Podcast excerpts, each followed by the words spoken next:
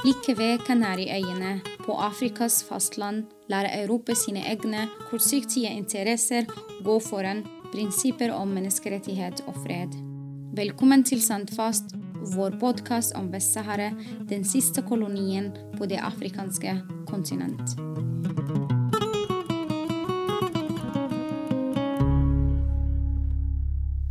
Ser man på okkupasjonen av Vest-Sahara gjennom briller av realpolitikk og i lys av at Marokko har viktige venner i FNs sikkerhetsråd, virker Vest-Sahara-spørsmålet komplisert.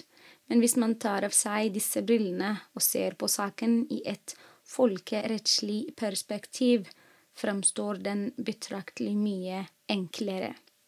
Løsningen handler om rett og slett å høre på de saharawiske folkets ønske, både om territoriets fremtid og om hvordan de vil at naturressursene skal brukes. Dagens gjest er Manuel Diver fra Frankrike.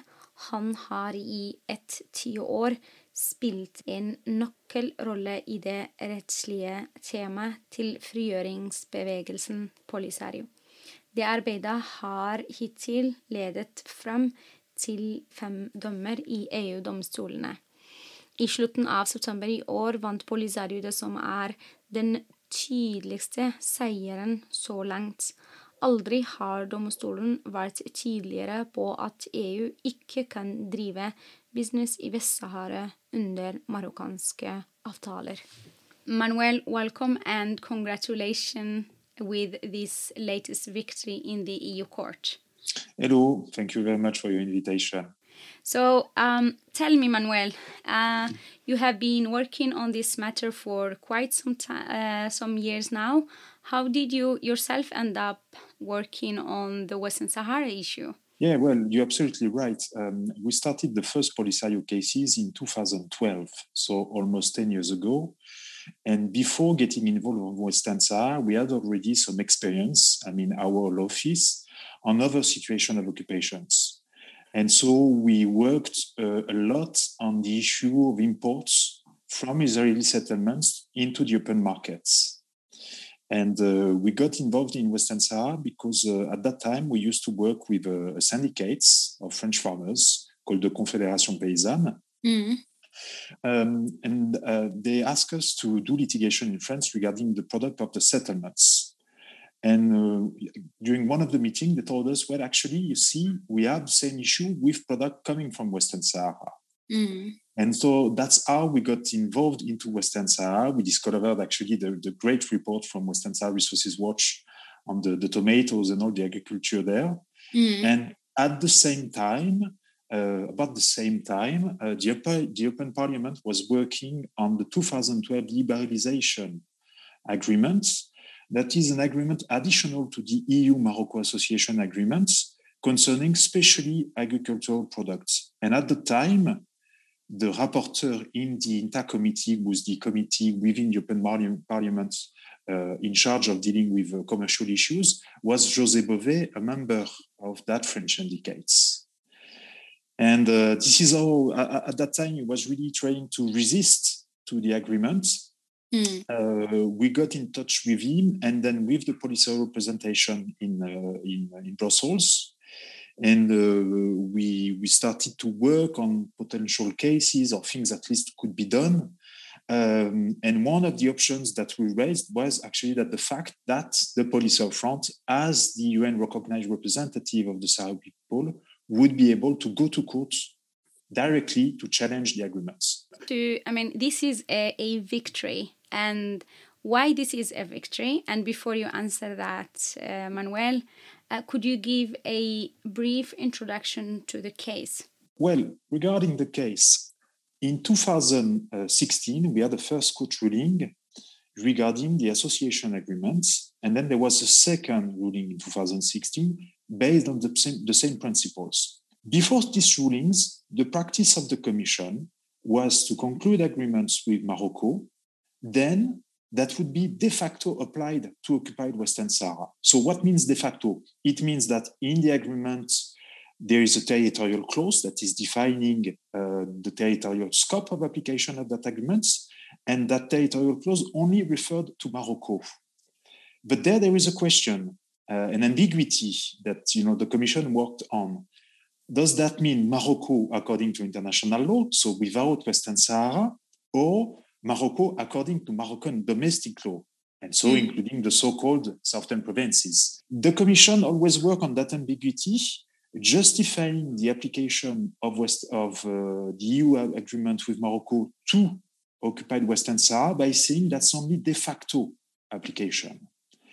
That de facto practice has been a huge problem for the self-determination process of Western Sahara because it has empowered Morocco in its occupation of, of the occupied part of Western Sahara. And so Morocco was in position to obstruct the self-determination process because of the EU involvement.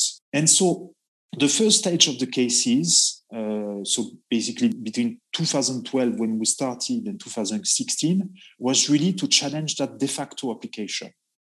And so when we started on Western Sahara, everything was disputed. The territory was disputed, the status of the Polisario Front, and even the very existence of the Sahrawi people, because people were saying that's not a people, that's a local population.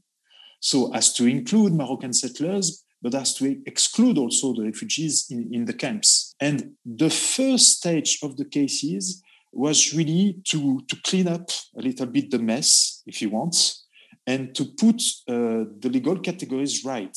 So to force the Commission to acknowledge the proper status of Western Sahara international under international law, to acknowledge the status of the Polisario Front, to acknowledge the status of the, the, the Sahrawi people. We got that in 2012, in 2016, uh, once we got the first ruling from the court, everything was very clear.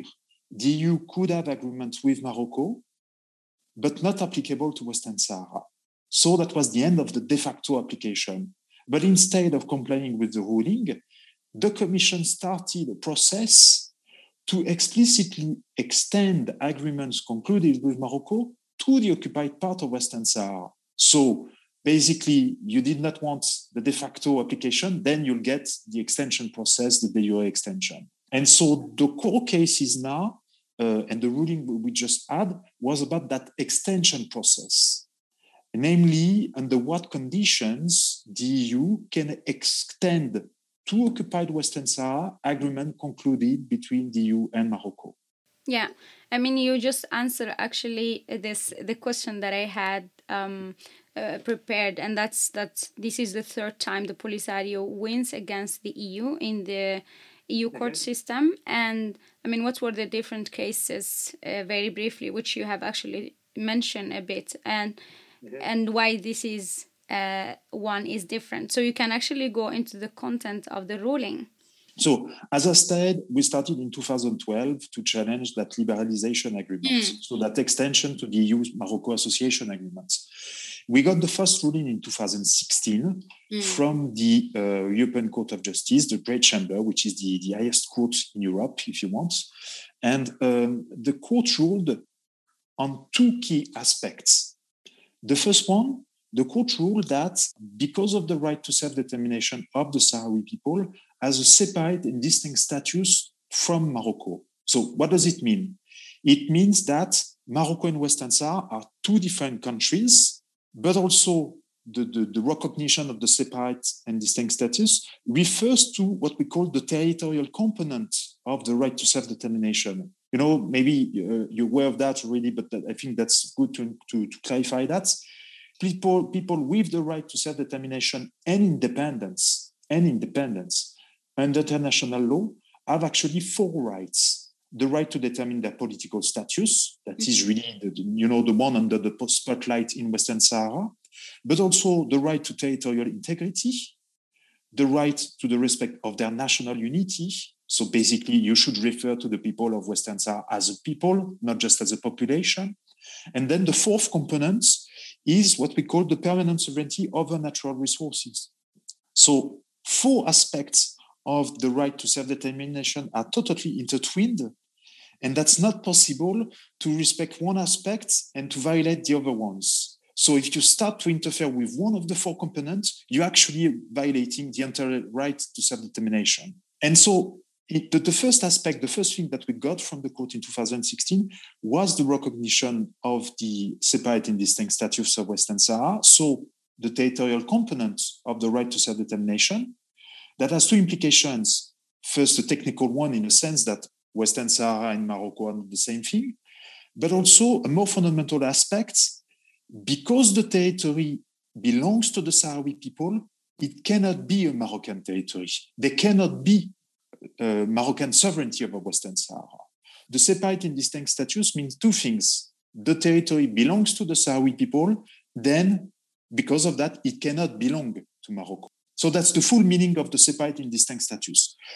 The separate and distinct status was something that we knew already because we had the previous rule, advisory opinion from the, the ICJ in 75. But in Western Sahara, and as in other many, you know, other occupations like that, we saw the occupiers, we saw also the, the allies of the occupier try to dilute the legal terms and to develop that idea that Sahara somehow was disputed because Morocco was able to block the political, the political process. The answer from the court is very clear.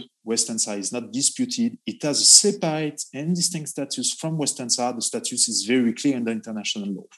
And I must emphasize also that during that case, we also refer to the borders. There are actually people, little people know about that, but there are treaties that were concluded between Spain and France back in time when they were the colonial power of Western Sahara, when they decided to define the international borders. And so not only Western Sahara has the right to has a separate and distinct status, but it has internationally recognized borders with Western Sahara. So that's the totally opposite to a disputed territory. So that's the, the, first, the first aspect, if you want, which is from the court uh, a reminder of the applicable law. The second thing that is even more interesting, and that is really the key uh, and, and, the breakthrough at that time for the Sahrawi people, is the fact that the court ruled that the Sahrawi people is a third party to EU-Morocco relations that must consent to any agreement applicable to Western Sahara. Before the ruling, the only uh, legal opinion that existed was the opinion uh, delivered by Hans Corell, who's the uh, legal advisor, if you want, if I make it, if I simplify it to the to the, the, the council, that made a, a, legal opinion regarding the possibility for Morocco to sign contracts to exploit uh, petroleum, you know, on the, the offshore of Western Sahara. At that time, the opinion was delivered in 2002 mm. for the Security Council with you know states that were pro Sahrawis, other states that were pro Moroccan, so very divided. Um, also, from the perspective of the legal advisor, is to explain broadly the applicable law, but is not to decide instead of the decision makers.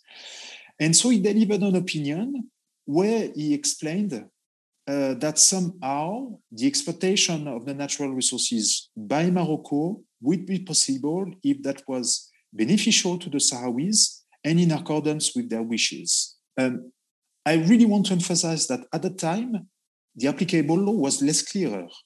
Uh, for instance, in 2012, two, two, there were still discussions as to whether Palestine is occupied according to international humanitarian law. We only got the answer from the uh, ICJ in 2004. And so when he delivered his questions, there were many questions with no answer on the exact status of Morocco in occupied Western Sahara, the exact status of Western Sahara under international humanitarian law, which may explains why also the, the, the maybe the, the, the, legal opinion was criticized after that. Mm. But the commission used or misused, I should say, the Corell opinion that was clear on the wishes and so the will of the Sahrawi people to emphasize the benefit effects. And so the commission started to explain that that de facto application that I referred to was possible with agreements concluded between Morocco and the EU.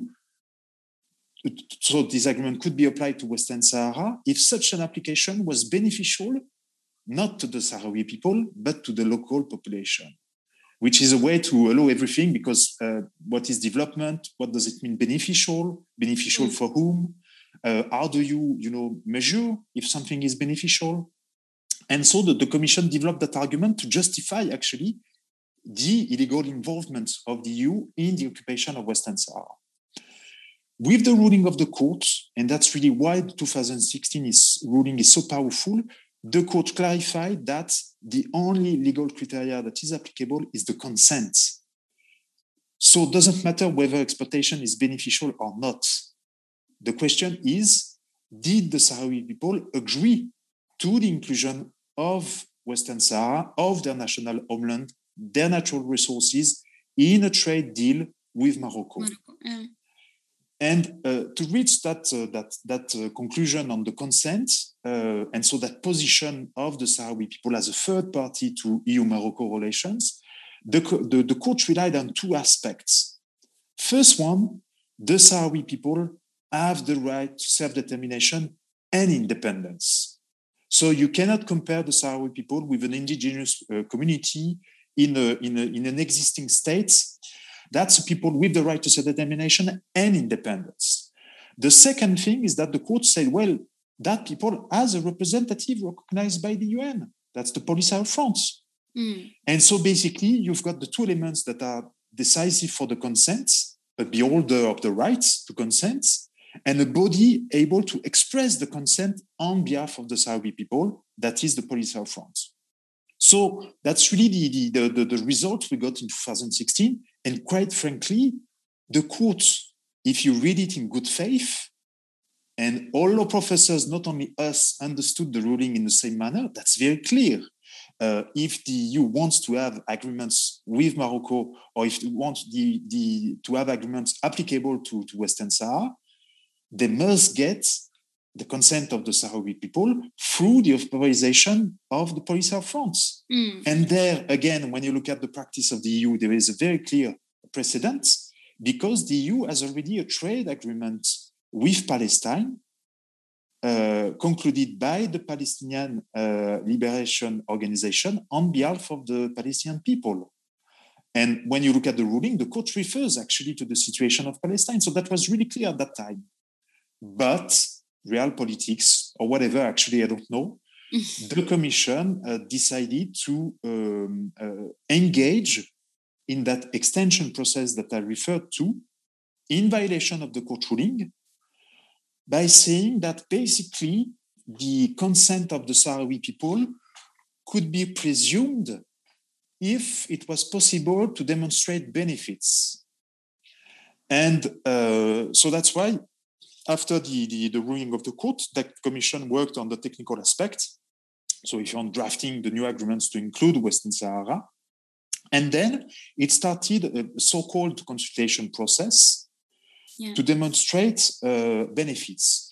And the, the, stakeholders that were consulted were only uh, basically um, Moroccan stakeholders, depending on Morocco or the Moroccan government, with obviously the view that the agreement was beneficial.